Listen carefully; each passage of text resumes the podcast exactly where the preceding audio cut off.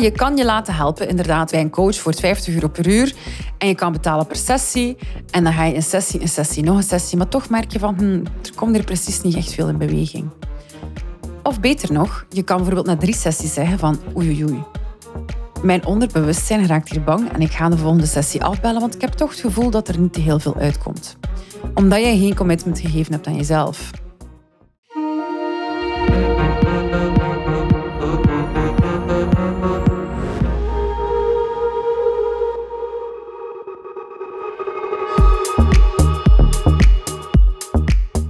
Welkom bij Truffles en Chanels, de podcast over mindset, persoonlijke groei en leiderschap. Waar we geen enkel onderwerp uit de weg gaan, met als doel jou je rijkste leven laten leven. Mijn naam is Ellen Persijn en ik neem je mee in onconventioneel en extraordinair leven vanuit liefde en vrijheid.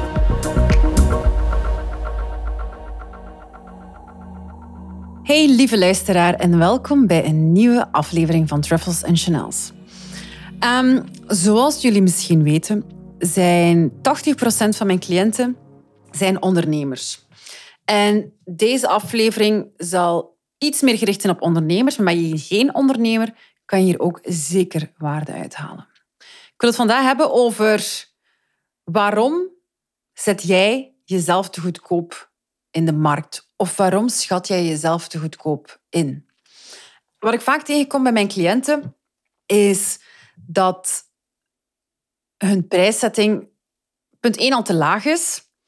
En dat ze heel veel moeite hebben om die prijszetting op normaal, hè, tussen aanhalingstekens, op een normaal tarief te zetten. Omdat ze geld zien als iets heel letterlijk.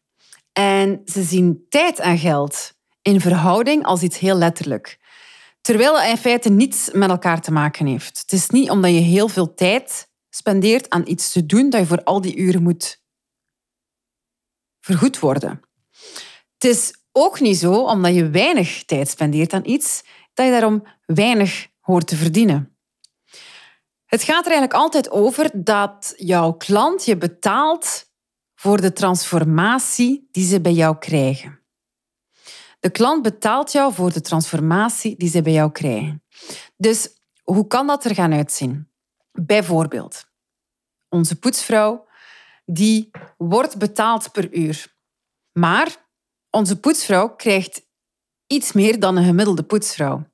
Hoe komt dat? Omdat ik betaal haar niet voor de uren die ze hier enkel werkt.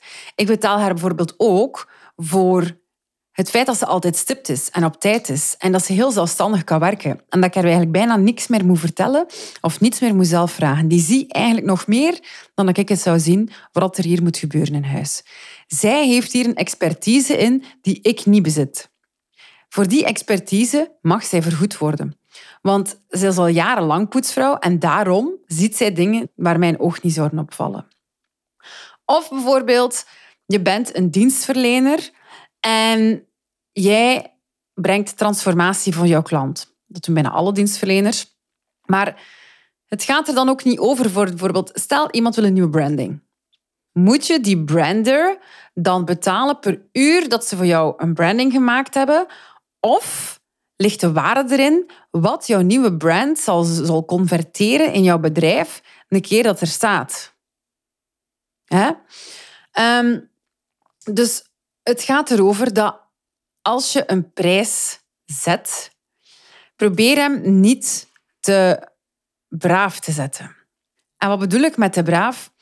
Wij als, en ik spreek nu voor mezelf en als Vlaming, bij Vlaming zit het er vaker in dan bij bijvoorbeeld Nederlanders, is dat wij geleerd zijn om onszelf een beetje klein te houden. Doe maar normaal. Wie denk je wel dat je bent? Maar zo bijzonder ben je helemaal niet hoor. Dus uh, doe maar vrij gewoon. Rijk zijn, dat is niet voor ons besteed. Wij zijn geen rijke mensen. Veel geld vragen? Nee, nee, nee, dat doen wij niet.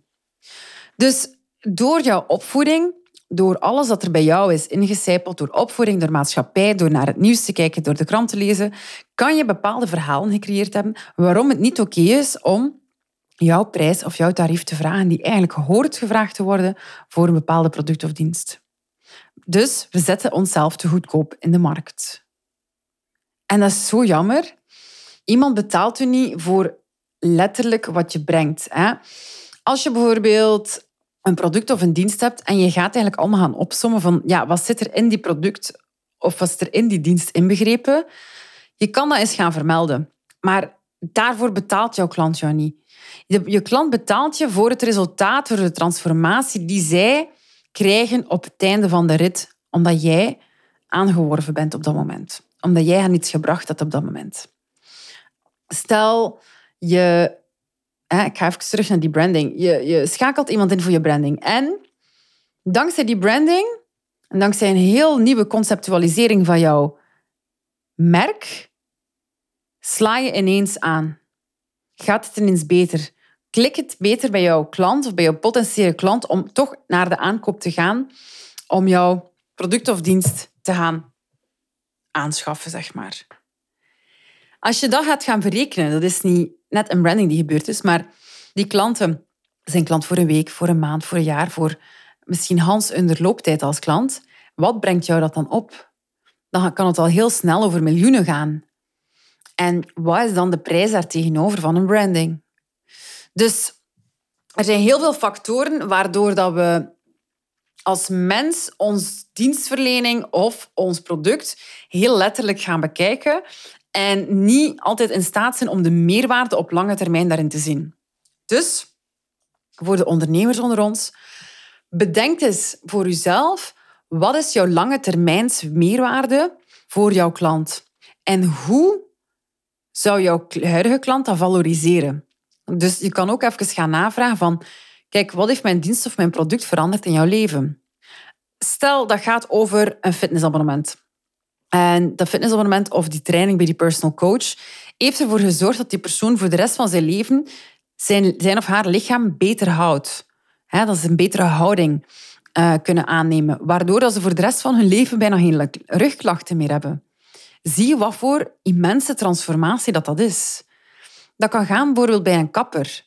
Dat een kapper zo jouw koepen doet en zoiets aanmeet die past bij jou, waardoor dat jij iedere keer dat je een stap uit de deur zet, you feel like a million bucks. En als je je goed voelt in je vel, ga je dat ook gaan uitstralen. Ga je ook anders gaan bewegen, ga je anders gaan praten en ga je andere mensen gaan aantrekken. Wat er ook voor kan zorgen dat er heel veel meer andere dingen op je pad komen dan dat je bijvoorbeeld naar een 5 euro kapper zou. Dus het is zowel als geldvragende voor ons eigen product of dienst, als voor het geld die we uitgeven. Betaal de dingen die voor jou waardevol zijn, maar denk ook aan het lange termijnsvoordeel die je hebt door bepaalde producten te gebruiken. Um, hetzelfde gaat bijvoorbeeld voor make-up. Heel stom voorbeeld. Maar in veel fast-moving consumer goods kunnen we daar ook een keuze in gaan maken. Als je make-up koopt van een merk die beter is voor de huid en die op lange termijn jouw huid gaat gaan voeden en niet gaat gaan afbreken, dan gaan we zien, je betaalt, je betaalt misschien wat meer, maar gaat zien na 20 jaar waarom je zo gelukkig was dat je een bepaald merk en een bepaalde investering hebt gedaan in de tijd. Alles bij elkaar gerekend, dat legt de waarde van een product of een dienst in jouw mand. En dat vergt een beetje lange termijnvisie. Als je je tuin laat aanleggen door ja, een 5 euro tuinman, laat mij zo noemen, of een 5 euro tuinarchitect, en die doet maar wat, en die houdt rekening met seizoenen, met jullie levensstijl, met kinderen, honden, whatsoever, dan ga je waarschijnlijk na drie jaar alweer een Hans nieuwe tuinaanleg mogen laten doen. Dus goedkoop kan ook soms duurkoop zijn. Hetzelfde geldt voor coaching. Je kan je laten helpen inderdaad voor, uh, bij een coach voor 50 euro per uur. En je kan betalen per sessie. En dan ga je een sessie, een sessie, nog een sessie. Maar toch merk je van, hm, er komt er precies niet echt veel in beweging. Of beter nog, je kan bijvoorbeeld na drie sessies zeggen van oei oei oei. Mijn onderbewustzijn raakt hier bang en ik ga de volgende sessie afbellen, want ik heb toch het gevoel dat er niet te heel veel uitkomt. Omdat jij geen commitment gegeven hebt aan jezelf. Als je bijvoorbeeld in traject gaat bij iemand, dan maak je een solid, een heel vaste, een heel onbuigzame belofte aan jezelf dat je een keuze maakt. Dat je een keuze maakt om het vanaf nu anders te doen. Dat je kiest om op een andere manier te gaan leven of op een andere manier in het leven te gaan staan dat je echt die transformatie wilt. Je zal wat meer betalen, maar je zal ook vaak, heel vaak veel meer transformatie gaan zien in de realiteit. Het is vaak zo dat als mensen bijvoorbeeld heel lang naar een therapeut gaan en ze blijven maar gaan naar die therapeut en iedere week gaat het eigenlijk over hetzelfde of weet soms zelfs niet meer waarover gepraat, dat dat eigenlijk gewoon een labmiddel is om te zeggen aan jezelf van ah kijk eens, ik ben toch goed bezig, van ik ga bij een therapeut. Ah kijk, ik ben toch goed bezig, van ik ga bij een coach. En ik ga iedere sessie.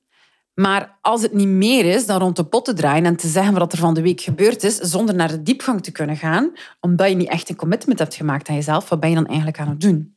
Dan ben je eigenlijk gewoon jezelf aan het voorliegen, ben je inferieure kwaliteit aan het opnemen in je leven, die in the end of the day ook veel geld gaat kosten, maar er gaat niet echt iets gebeuren. Dus het kan allebei in twee richtingen uitgaan.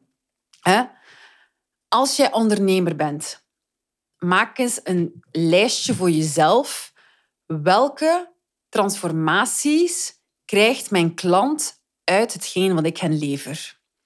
En die transformaties moeten niet heel van punt A naar punt B zijn, want hè, het kan ook het ripple effect zijn.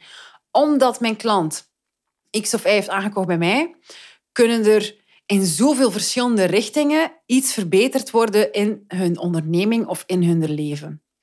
Neem al die aspecten en al die facetten een keer, breng die keer in kaart voor jezelf. Dat gaat het punt 1 gemakkelijker maken om jouw product of dienst te verkopen als jij helder hebt wat de transformatie is voor jouw klant.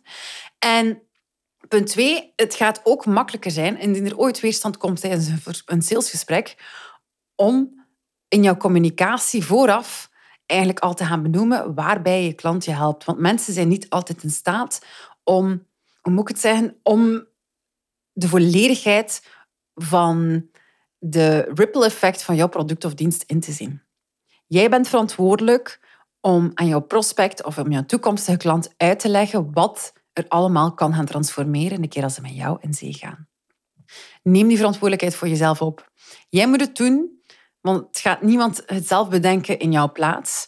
Jij bent verantwoordelijk om over te komen, om volledig te zijn vooraf in jouw communicatie, nog voordat je met een potentiële klant spreekt.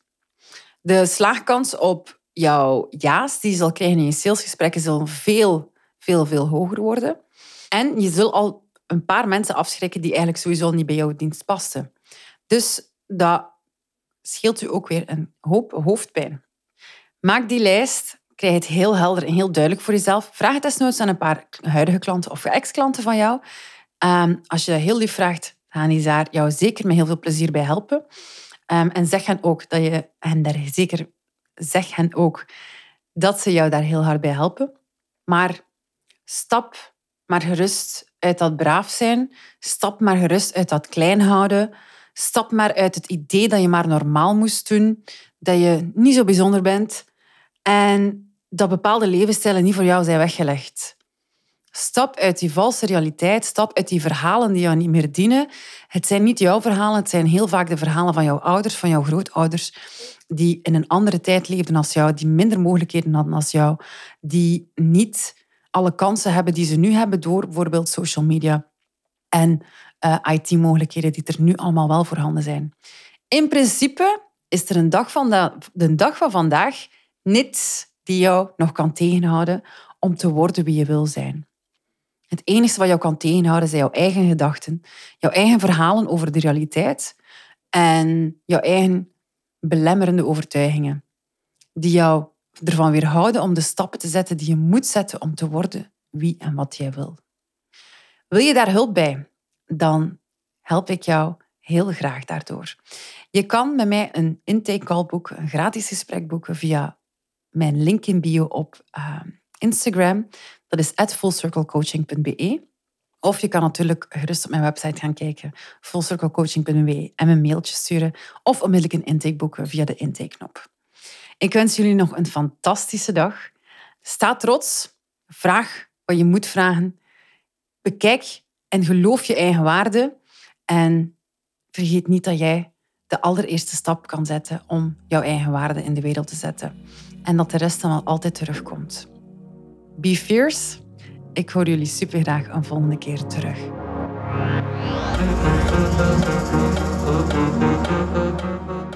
Persijn en je luisterde naar Truffles en Chanels, de podcast. Mocht je dat nog niet gedaan hebben, ga dan naar je podcast-app en subscribe op deze podcast. Vond je het waardevol? Vergeet zeker geen like, rating of review na te laten. Ik zie je graag bij een volgende keer terug bij Truffles en Chanels.